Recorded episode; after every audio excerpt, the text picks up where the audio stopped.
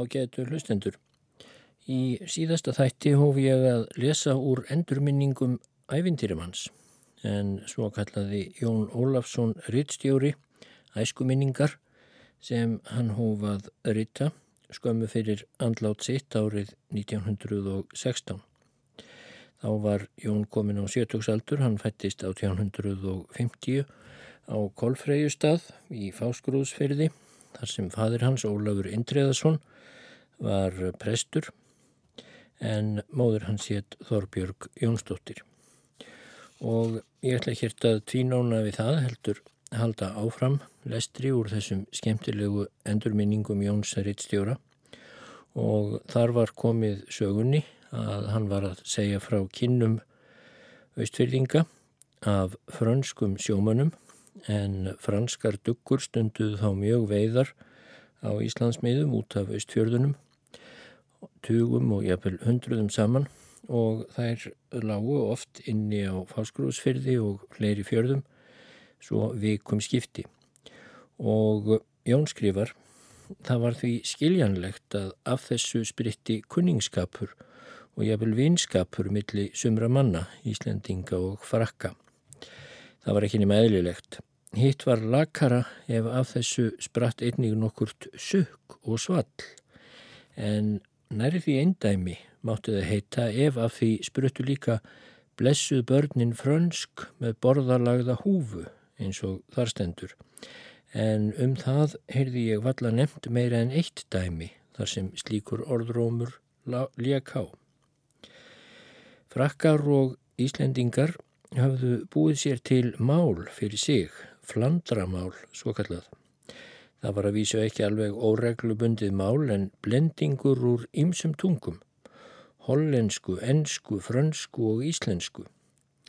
Og higg ég að meira en helmingur orðaforðans væri úr hollensku og ensku. Eðlileg afleiðing þess að brettar og hollendingar höfðu fiskað hér við land öldum saman áður en frakkar fóru að fiska hér og útrýmdu hinnum. Föður mínum var illa við dugguferðir sóknarmanna. Sérstaklega vítti hann hart dugguferðir kvennfólks. Sjálfur fór hann aldrei út á fiskiskip nema í brínum erindum. Ég undantek þar auðvitað heimbóð til dæmis á herskipin sem gætnan fylgdu fiskiskipaflótanum. Fóringjarnir á herskipunum komu á hverju sumri út til okkar að heimsækja föður minn. Gerðu þeir honum aftur heimbóðinn á herskip og fekk ég alltaf að vera með honum eftir að ég var orðin sjö ára. Fadur minn gerði þeim svo heimbóð aftur til miðdegisverðar og þótti mér það jafnan hinn besta skemmtun. Einstaka sinnum komu fiskimenn út til okkar á kirk, til kirkju og stöku sinnum á virkumdögum líka. Þeim var venjulega gefið kaffi og mjölk. Einum skipstjóra á flutningaskipi mann ég sérstaklega eftir, hann hétt Leonard og koma á fáskrúsferð öll þau ár sem ég mann eftir. Honum og föður mínum varð vel til vina og kifti Leonard árlega fyrir föður minn ímsa hluti í Fraklandi, fatnað eftir máli, skófatnað, frönsk vín og ímislegt fleira.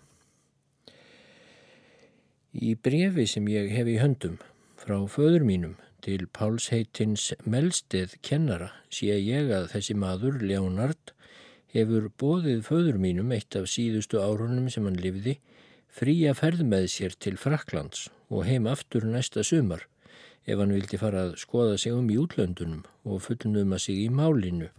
En fadur minn hafði á gamalsaldri keft sér þýsk-franska orð, orðabók og námsbók og reynd þannig af sjálfum sér að komast niður í fraknesku getur hann þessi í brefinu að sig hafi sár langað til að fara og sjá sig dálitið um í heiminum. Getur hann þessu og að efnahagur sinn leifi sér vel slíka för en segir að sér hafi ekki verið undan ná til biskups til að fá fararleifi en það voru vist ekki postsamgöngur millir Östfjörða og Reykjavíkur nema þrísvara ári í þá daga. Eitt vorið, það var 1859, þegar ég var nýju ára, þá kom stort grámálað flutningaskip til Fáskróðsfjörðar. Það var seglskip eins og öll fransku skipin sem hingað komið þá, því herskipin voru einnig seglskip. Þetta skip var eitt í skrautlegasta og stærsta sem komið hafði. Tveim, trefum dögum eftir að skipið kom, kom bátur frá því út að Kolfreyjustad og voru þar á þrýr gestir. Prestarnir Bernhard og Búdúan er komið til að setja stað hér á landi og með þeim var doktor Fíl Ólafur Gunnlaugsson er fylgdi þeim hingað heim en fór svo utanaftur með sama skipinu. Ólafur Gunnlaugsson var þá að ég ætla rítstjóri blaðsins Lunord er útkom í Belgíu. Ég man vel eftir honum en það sá ég hann tvísvar því að fáum dögum síðar var fadir minn bóðaður inn á prestaskipið sem kallað var og var honum bóðið að hafa mig með ef hann vildi. Það var góður fagnadur um borð og að afloknum miðdegisverði fóru frönsku prestarnir Ólafur Gunnlaugsson og viðfæðgarnir og tveir þjónar með í land og settum stað í sólskininu í fagru lækjargíli á ströndinni og var þar drukkið kaffi og kryddvín eða svo kalladur líkjöðar. Fadir minn og prestarnir og Ólafur töluðu latínu saman. Ólafur sagði einhver fá orðstöku sinnum við mig á íslensku, annars heyrði ég Ólaf valla tala íslensku. Ólafur var hármaður að mig minnir höfðinglegur og gáfulegur ljós á hár. Almenningur þarna í fyrðinum hafði ímögust á þessum kathólsku klerkum en fadur minn var þeim hins vegar hinn alúðlegasti og greitti fyrir þeim á alla lund. Það var um þessar myndir alltítt til sveita á Östurlandi að lesa fornmannasögur eða hveða rýmur á kvöldvökunum fólkinu til skemmtunar. Voru jáfnvel til gamlir menn sem fóru um bæ frá bæ að vetralæginu til að lesa og hveða hafðu þeir oft með sér rýmur og skrifaðar sögur, þær er eigi voru til í þá tíð á prenti. Fadur minn aði mestu óbeitt á rýmum og rýmna göyli, vildi hann aldrei láta hveða rýmur. En því vætna þóttunum um sögulestur og leta hann jafnan lesa sögur flest öll kvöld á vetrin. Sjálfur hlustaðan þó sjaldan á þann lestur en læsti að sér herbergi sínu og satt þar sjálfur við bóklestur, enda satt hann mest öllum dögum við bóklestur eða skriftir frá morgni til kvelds allan árs ringin. Ekki lásu farandlesarar hjá okkur, utan einn, sem ættið kom og var eina viku eða halvan mánuð á hverjum vetri. Annars var það venjulega rásmaðurinn sem las. Lengst um Björn Björnsson, príði skrendur maður, Síðustu tvo veturna áður en fadur minn dó var svo farið að nota mig til að lesa sögur. Áður en kveikt var og vakan byrjaði var venjulega setið nokkuð í rökkrinu. Sumir sváðu þá rökkurdúr, aðrir táðu eða kemdu eða lippuðu eða dunduðu eitthvað annað eftir því sem hver vildi. Rökkur setan var uppáhaldstími okkar barnana. Fyrst var hjá föður mínum ráðsmaður er Eyjólfur hétt. Kona hans Margrét var eldabuska og matselja. Hún kunni fádæmin allaf þjóðsögum. Satt hún á rúmi sínu í rökkrinu og sagði sögur og flyktumst við krakkarnir þá í kringum hana og settumst á sinn stólinn hvert fyrir framann hana. Síðar varð Björn Björnsson ráðsmaður hjá okkur. Hann var formaður á sjó þegar sjór var sóttur Hann var og fjármaður góður. Hann var ennfremur vevari og prjónaði svo fljótt og vel að engin kvennmaður á heimilinu komst til jafsviðan. Og Björn var sá mest ótæmandi þjóðsagna brunnur sem ég hef þekkt. Eftir að Margrét fór frá okkur tók hann við að segja okkur sögur í rökkurunum. Ákaflega vorum við krakkarnir oft myrkvælinn og stafaði það sjálfsagt nokkuð af öllum þeim draugasögum er við heyrðum.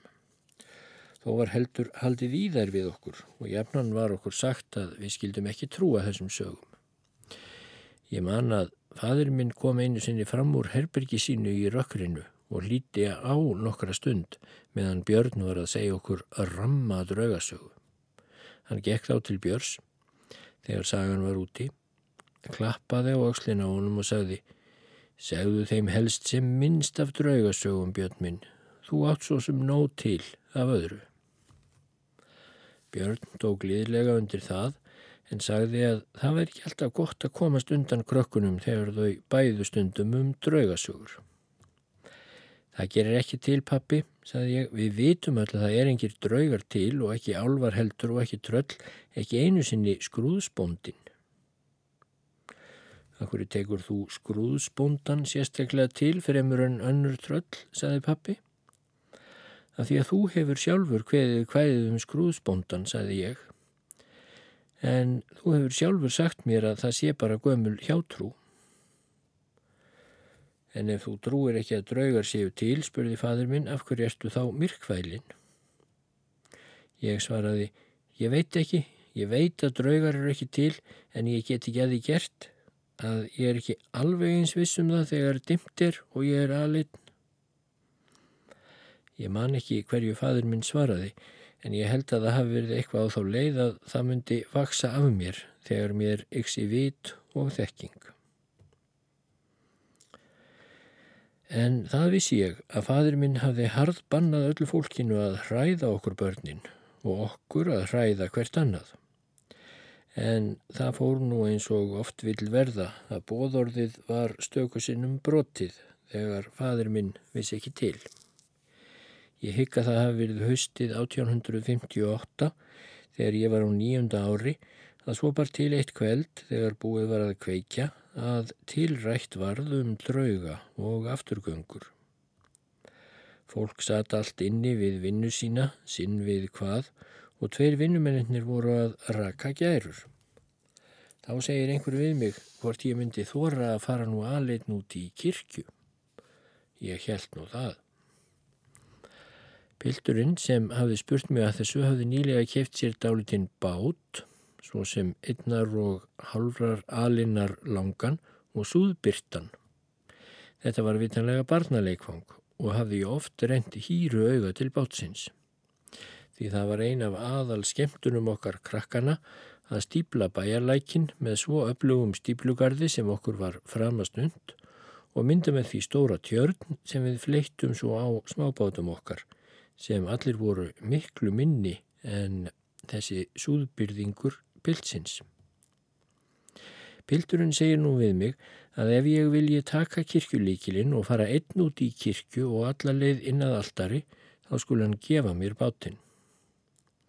Það hoppaði nú heldur í mér hjartað við þetta fyrir heitt, en hins vegar átti ég örðugt með myrkvælnina. Ég herti samt upp, upp hugan og saðist þá skildur reyna fór svo inn í hús til pappa míns og gatt náð þar kirkjuliklinum svo að hann varð ekki var við, kom svo fram aftur og saðist nú vera tilbúin. Pilturinn saði mér að til sannindamerkis um að ég hefði komist alla leiðin eða alltarinnu, þá erði ég að taka sálmabók föður míns en hún lág jafnan á alltarinnu og koma með hana með mér aftur. Þá sagði einhver að ég væri nú örugur inn aftur þegar ég væri búin að ná í salmabókina en spurði ég framt hvort ég vildi ekki hafa einhvern verndargrip með mér út í kirkjuna og stakk upp á að ég hefði með mér hverið mitt í barminum. Eða vilt þú kannski heldur að ég láni þér rakstrarnýfin minn, sagði annar maðurinn sem var að raka gæru. Ég hugsaði mig dálitið um og sagði svo að ég vildi heldur rakstrarnýfin en hverið. Ég hef líklega haft eitthvert hugbóðum það að tillaganum að hafa með mér hverið hefði komið fram til að gera háðað mér. En ég fekk svo léðan hnífin og lagði af stað með hann í annari hendinni en kirkjulíkilinn í henni held svo fram göngin og út á hlað og inn í kirkjugarðin að kirkjudyrunum. Tunglsljós var úti en lokaðir lerar fyrir öllum kirkjuglugunum svo að þar var niðdimt inni. Þó að kallt væri úti þá sló þó út um mig sveita þegar ég opnaði kirkjuna og hjælt inn í myrkrið. Ég gekk ofur hægt inn gólfið og stutti mig við sæta endana, sunnan megin við gangin. Í huga mínum vöknuðu nú allar kynja sögur sem ég hafði hyrt um draugagangi í kirkjum, til dæmis um prest fyrir altari sem djöblar sóttu að og mér kom það í hug að ef nokkuð óreint væri til, þá væri ekkert undarlegt og ég erði núna varfið að því að þessi ferð mín í kirkjuna væri þó eiginlega að freysta Guðs.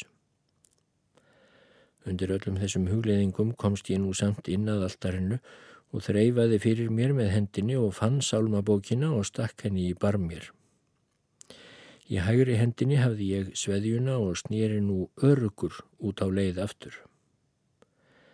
En þegar ég snýri mér við og gekk út frá altarinu, leitt ég eðlilega fram gangin og út í kirkjudirinnar þar sem tunglskinnið var bjart fyrir utan. En þá fekk ég nú heldurinn ekki fyrir hjartað, því þegar ég horfi fram í dirinnar sá ég kvíta vofu við endan á miðri sætarauðinni norðanmegin. Vofan rétti út handleikina og lafði kvítur ermarsloppur niður af handleiknum. Það var rétt eins og hún held í hendinni á lofti til að grípa mig þegar ég færi út. Hjartað barðist í brjóstinu á mér og ég held ég ætlaði að ganga vitinu af hræðslu en ekki leið þó yfir mig. Ég stóð graf kyrrum stund en vofan hrefði sig ekki. Hún ætlaði auðsjámanlega ekki að hafa fyrir því að sækja mig, heldur bara að býða og hremma mig þegar ég færi út. Ég veit ekki hvað lengi ég hef staðið þarna en mér sortnaði fyrir augum. Loksa rangaði ég við mér og hugsaði að hér væri einskís betra að býða, herti upp hugan, tók undir mig stökk og hljóp út og helt sveðjun í hendinni framundan mér til að keira í draugin.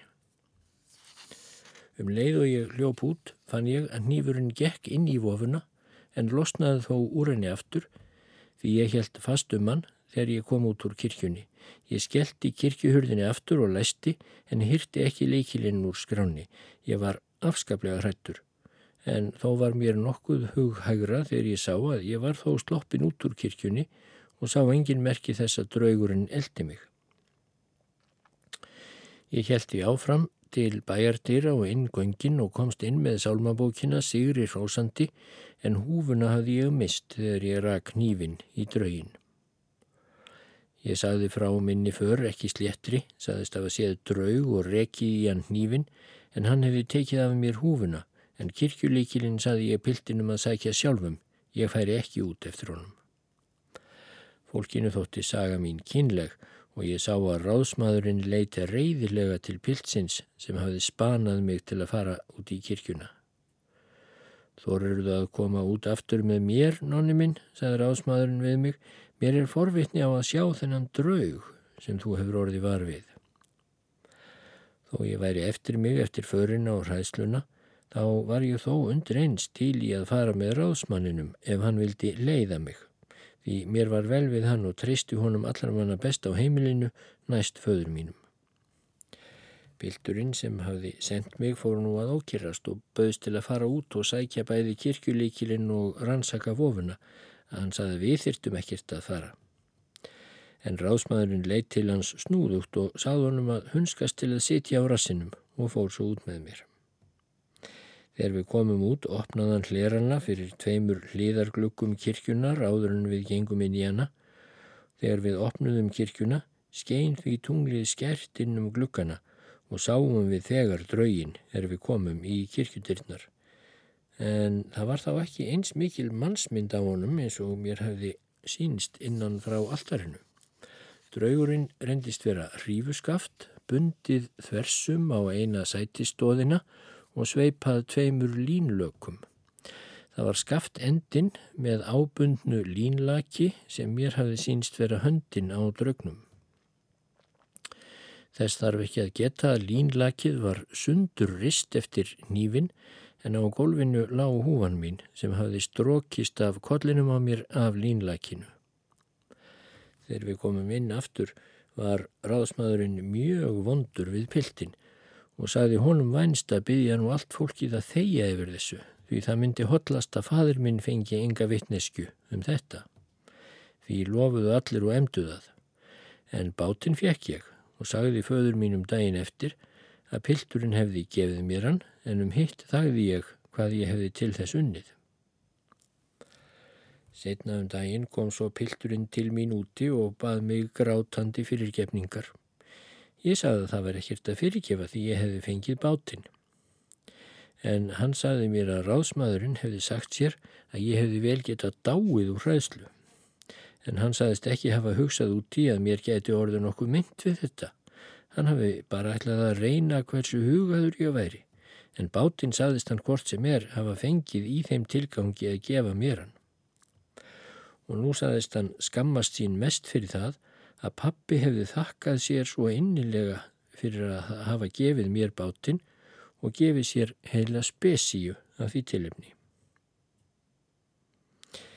Við vorum sjaldan færri en fjögur börn á heimilinu á uppvöxtar árum mínum, ég og sýstir mín og tvær stúlkur aðrar og var ég þeirra elstur.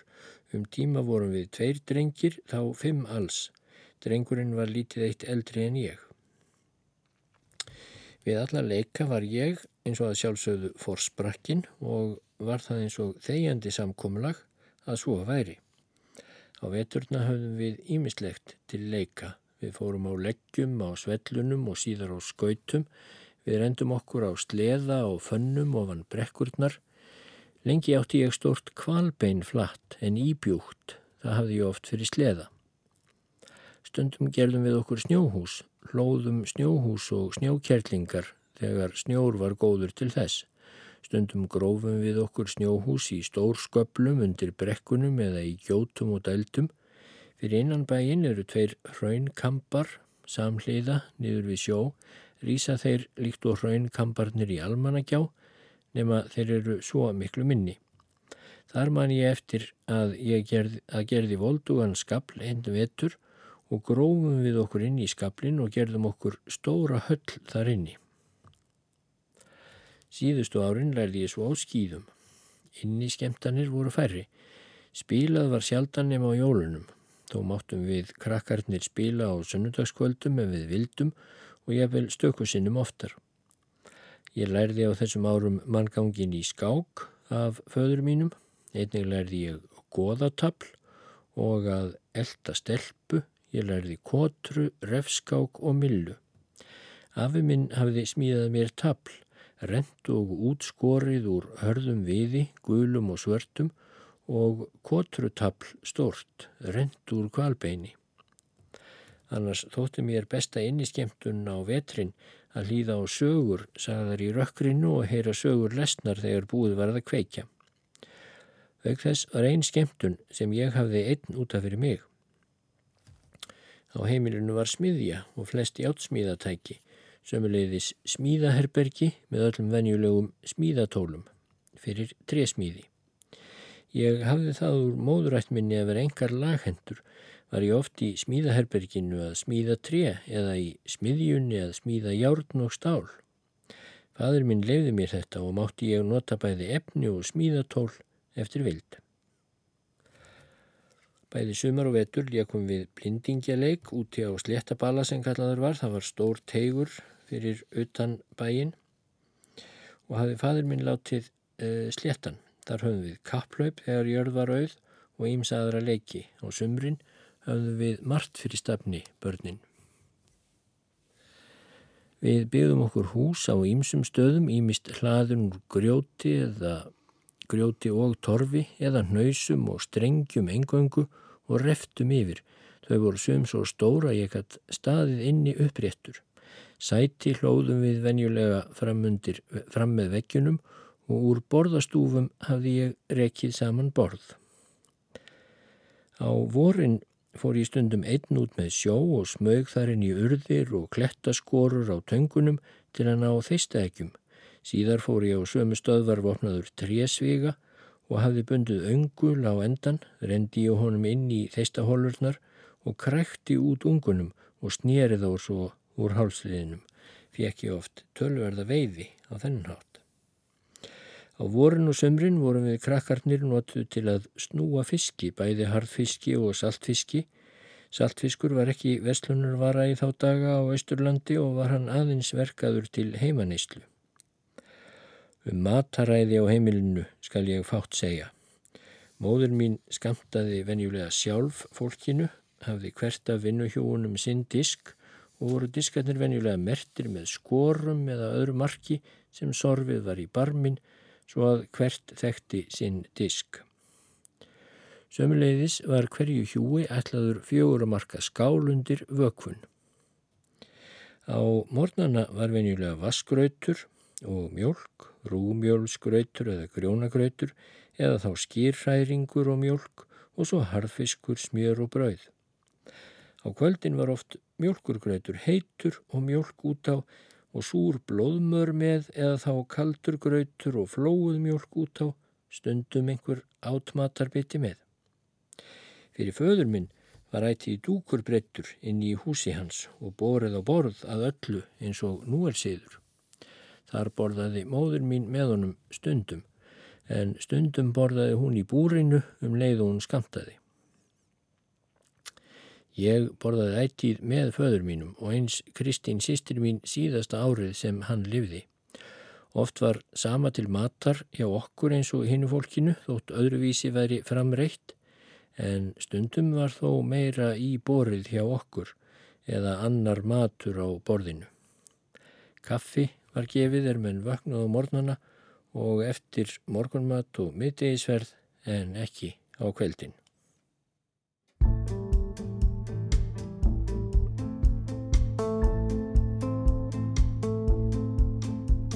Vlughræstan er fyrir því að vera nokkurt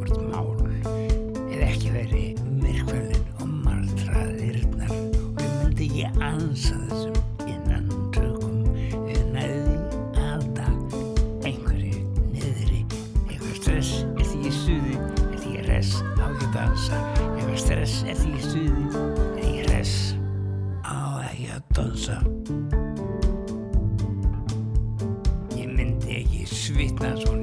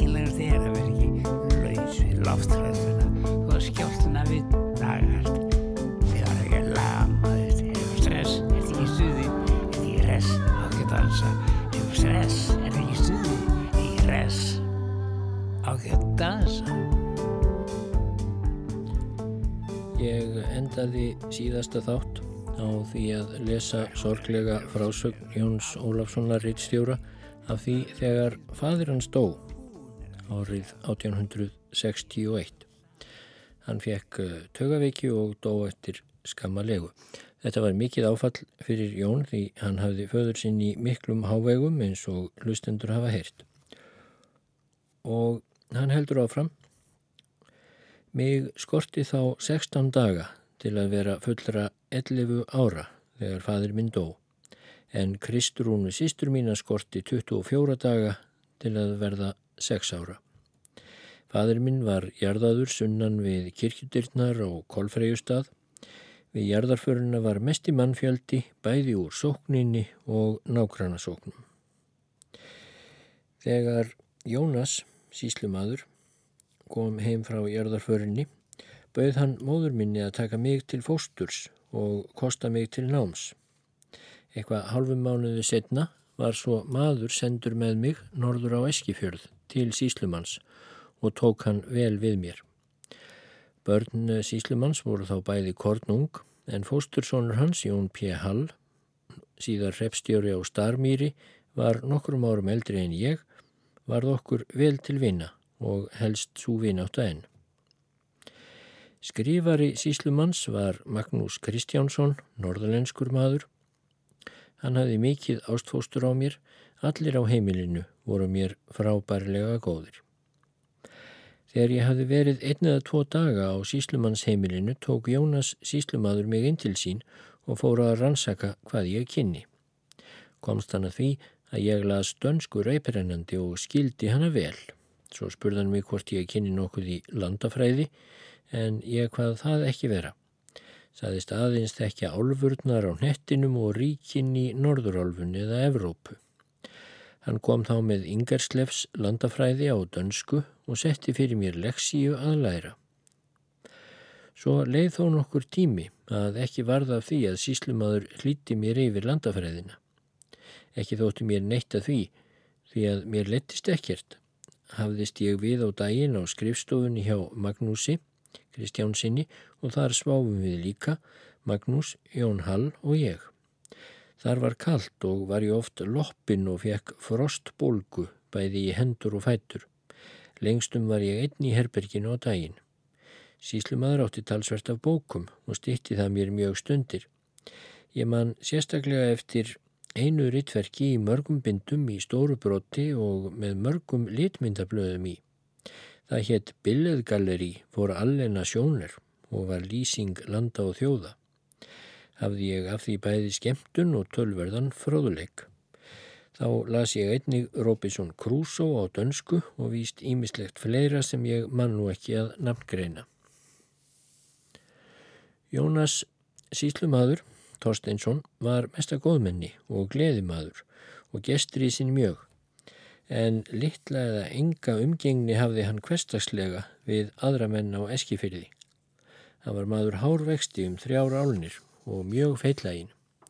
Hann var vannur að koma á fætur til morgunverðar og að morgunverði liðnum fór hann aftur upp í Svefnirbergi sitt, fór úr frakkanum og laðist upp í rúm og las sér til skemmtunar eða sopnaði á milli. Kom svo inn aftur til miðdeisferðar en fór að honum loknum inn aftur í Svefnirbergi sitt til að lesa Nefna ef einhver gestur var hjá honum var hann þá jafnan á ferli og hinn kátasti. Hann var snirtimaður í allri framgöngu og gekk ávalt í enkennisbúningi bláum hverstaslega. Magnús skrifari fór venjulega eftir kvöldverð út og bauð mér oft með sér. Sá maður var þá á Eskifyrði sem gísli hétt Árnason var snikkari. Hann hafði í hjáverkum vínsölu. Þangað fór Magnús á kvöldin til að fá sér í staupinu því hann var maður talsvert drikkveldur og var þá enn drikkveldari síðar. Magnús vildi jefnan gefa mér eitthvað að drekka með sér en með því að ég vildi hvorki brenni vín eða öl eins og hann drakk þá fekk ég staup af malt ekstrakt í staðin og þóttu mér það gott því það var sætt. Drakk ég venjulega eitt staup af því síðar tvö og fann þá á mér en við þriðja staup varð ég tölvert kendur og í fyrsta sinn er ég drakk þrjú staup seldi ég upp. Þannig komst ég ungur á bragðið að fá mér í staupinu. Á sunnudögum kom ég stundum ofan í Túliníusar hús, hafði frúin bóðið mér að koma þangað þegar ég vildi. Það voru mín fyrstu kynni af þeim ágætis hjónum Túliníusar hjónunum en þau eruðu meiri síðar. Þau áttu um þessari myndir aðeins eitt barn, það var Þórarinn Dúliníus og var hann þá árs gamall. Svo leið framundur í mælok að ekki hlíti síslumadur mér yfir nema þrem sinnum. Þegar að þingaferðum komum vorið fekk ég að fara heim til móður minnar og átti að fá að vera þar uns þingaferðunum væri lokið. En í þeim fólst að síslumadur ferðaðist um umdæmi sitt og setti þar þing og syndi sínum störfum. En í ferðalagi þessu vektist síslumadur, kom veikur heim og lagðist og dó eftir stuttan tíma. Með því var lokið fóstri mínu hjá Jónasi Torstensen. Á Eskifyrði byrjaði ég, þótt ungur væri, að semja bók. Hún hétt Margrét og börnin. Það var gamla Margrét sem hafði sagt okkur sögurnar let ég hann að segja eina sögu eða tvær stuttar á hverju kvöldi en sögurnar voru þjóðsögur sem hún hafi sagt okkur. Ekki komst ég nema eitt kvöld á enda. Það var sagan af sverðinu Sigurljóma. Hverki hef ég séð hann á prenti svo ég muni og nú hef ég glimt sögunni og týnt handritinu mínu. Nú var ég heima um sumarið 1861 en um haustið var mér komið í kennslu til Hallgríms prófasts Jónssonar á Holmum. Sér að Hallgrímur var gáfumadur og lærður vel. En það er sitt hvað að vera vel að sér og að vera lægin kennari. Mér er næra að halda að sér að Hallgrímur hafi ekki verið sérlega vel lægin kennari og vístir um það að ekki dögðan til að kenna sjálfur sónum sínum undir skóla heldur fjekk til þess kandidat Finn Þorsteinsson sem síðar varð prestur. Sér að Hallgrímur let mig byrja á að læra litla maðvík, kennslubók sem svo var kalluð og setti hann mér fyrir leksíu fremst í bókinni og saði mér að segja sér til þegar ég væri búin að læra hana. Ég hafði lokið við hana um miðjan dag, líti prófastur mér þá yfir og setti mér svo fyrir nýja leksíu og saði mér að byrja á henni og segja sér til aftur þegar ég var í búin. Ég hafði lokið henni síðar um daginn og saði prófasti til. Það fór á sömu leið að hann líti mér yfir og saði mér að byrja á nýri leksíu sem hann setti mér fyrir. Þetta voru nú heldur en ekki vonbreyði fyrir mig því ég hafði búist við að undir eins og ég var í búin með fyrstu leksíuna myndi ég fá frí það sem eftir væri dagsins. Ég sætti mig þó við vonbreyðin í það sinn en þegar ég hefði lokið annari leksíunni sama daginn og mér var enn sagt að halda áfram, þá var mín þólinnmæði úti. Ég þorði samt ekki annaðin hlýða og settist aftur í opn krókin með bókina en ég las ekkert, ég var annars hugar. Ég fór að hugsa um það að það væri ekki til neins að hraða sér með leksíurnar úr því ég erði að sitja í opn króknum frá morgni til kvölds og fengi aldrei neina frístund. Í rökkrinu mátti ég fara út þanga til kveikt var en svo var ég aftur að setjast við bókina. Næsta morgun spurði prófastur mig að hvort ég væri búin með leksíuna en ég hvað það ekki vera. Um hátegi spurðan mig hins sama og játti ég þau í þá. Var mér þá enn líkt yfir og sett fyrir ný leksíja er þar skemst af að segja að ég sveikst um að lesa svo sem ég framast gatt, stalst sem oftast út og þegar ég var spurður hvað ég ætlaði nú að gera út, saðist ég þurfa að fara nöðsinja minna. En auðvitað stalst ég út miklu oftar en ég þurfti, fór ég venjulega út gegnum eldhúsið og þar út um afturdyr er voru á bænum, leik ég mér oft einn úti eftir föngum því að ekkert barn var á bænum annað en ég. Væri ílt veður lendi ég í skrafi og glensi við stúrkurnar í eldhúsinu eða þá við pilta út í skemmu. Einhver tíma bar svo við sindum veturinn að ég stalst út sem oftar og held á litla maðvík í hendinni eins og ég færi fram til að fá mér að drekka, ég fór þá út að bæjarbaki eftir vanda. Á holmum voru þá haldinn svín og var þar gilda með hálstálpuðum ungum. Þegar ég kom út að bæjarbaki voru svínin þar að krafsa. Ég lagði litla maðvík á vegg eða garð og tók að hnoða mér snjókökla til að kasta í grísina. En af hendingu var mér litið við og sá þá að einn grísin var búin að ná í litla maðvík og var að blada í bókinni með tríninu. Mér var heldur en ekki hvert við og réðst á grísin og flýði hann fljótt en ég náði bókinni.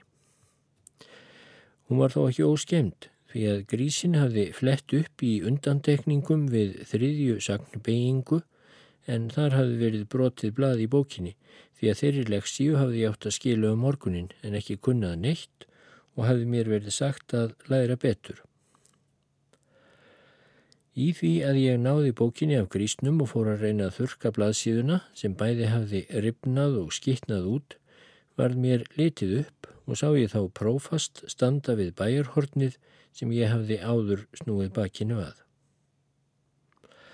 Hann hafði þá séð alla viðregnina, gekk hann til og leitt á bókinu og sagði svo Það væri annars gaman að vita hvort ykkar er því fljóttari með leksíuna þá orna, þú eða grísin ekki talaðan meira eða ávitaði mig neitt en mér þótti þetta sem hann sagði verra heldur en þó hann hefði gefið mér utanundir.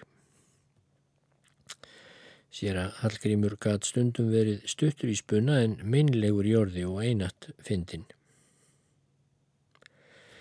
Af lærdómnum þennan vettur er það stist að segja að ég hjakkaði einhvern veginn út sagnirnar í litla maðvík en annað var mér ekki sett fyrir að læra en það lærði ég ekki annað að marki. Þó má geta þess að ég náðum vetturinn í reikningsbók í bókaskáp prófasts og las ég talsvert mikið í reikningi á nokkurar tilsagnar. Prófastur var þess vara, ég var ofta að reikna á sunnudögum og sagði eitthvað á þá leið við mig að þetta væri gott fyrir mig og fann ég á honum líkaði það vel. Og fjölni las ég nú og allan upp þann vetur. Prófasfrúin lág alltaf rúmföst og hafi leigið um nokkuð mörg ár. Prófastur var fámál við alla og líkt mannblendin. Þeir sínir prófassins, Tómas og Jónas, voru þá báður í skóla. Þorgerður dóttir hans, sem síðar varð frú Olivarius, minnir mig að væri þann vetur í Kaupanahöfn. En þurriður dóttir hans var heima og bróður dætur prófassins tvær Guðfinna og Holmfríður dætur Péturs í Reykjahlíð.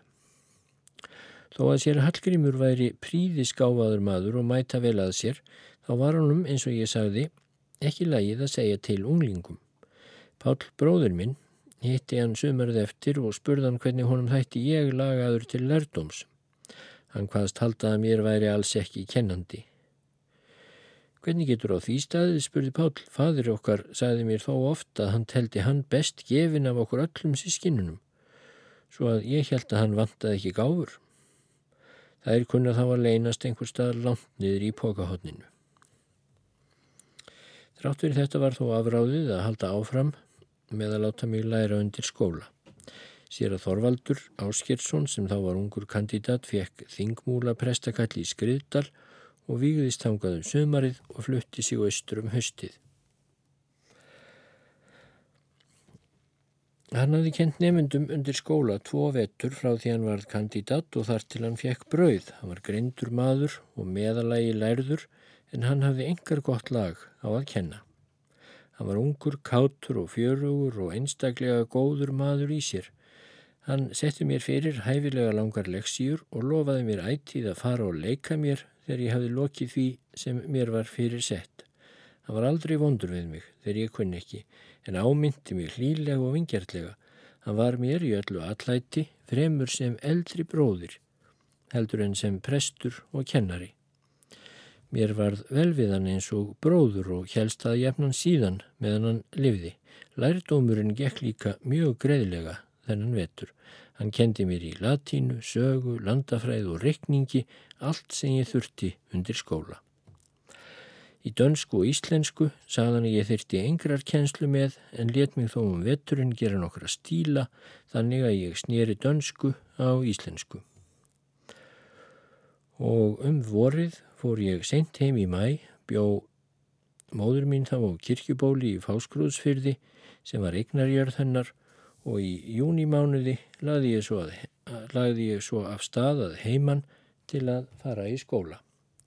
En skólinn var í Reykjavík og fljótlega eftir að Jón Ólásson komst til Reykjavíkur þar sem hann átti að byrja í skóla þá verði ég, segir hann, að geta lítils atveiks er fyrir mig bar það sumar.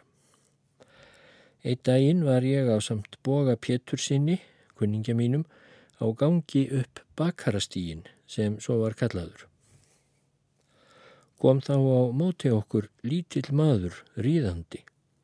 Hann hafði á höfði skiknishúfu með loðinni skinnrönd að neðan, sveig innan í rönd húfukollsins en húfan strengt saman millir kollsins og skinnrandarinnar. Á fótunum hafði þessi litli maður skinnleista lága og durnalega skó og barði þétt fótastokkin á hrossi sínu. Aftan í takl reyðskjótans var bundin vetrungstutti og gekk svo taumurinn fram úr taklinu upp í hendina á manninum. Tuttin var tregur í taumi og ekki löst við að hann tókaði stundum hest og rittara aftur og bakk eða út á hlið. Ég hafði aldrei áður síðan nöytkrypp bundin aftan í hest. Maðurinn virtist mér heldur kátlegur og engar ósélegur og öll sjónin var svo skrípaleg að ég fekk óstöðvandi hláturkast. Lós gæti ég þó spurt boga kunningi minn hvaða skrípildi þetta eiginlega væri sem þarna reyði. En hann þakkaði niður í mér og sagði í hljóði, talaði ekki svona, þetta er prestur, þetta er hann sér að NN sem býr á stórbílinu NN. Það gekk svo fram að mér að ég gekk steinþegjandi um stund. Allt í einu fór ég að hlæja aftur. Bói spurði mig af hverju ég hlægi nú. Ég svaraði að ég hefði oft heyrt talað um pokapresta en engan séð fyrir nú sem ég hefði verið vissum að væri sannkallaður pokaprestur. Það hefði því alltaf staðið hálf óljóst fyrir mér hvað pokaprestur eiginlega væri en núna stæðið alveg ljóst fyrir mínum hugskot sjónum. Og ég hef aldrei síðan á æfiminni hirt svo nefndan pokaprest að mér hafi ekki undir eins flóið í hug þessi prestur með tuttan í reyðskjótstaklinu.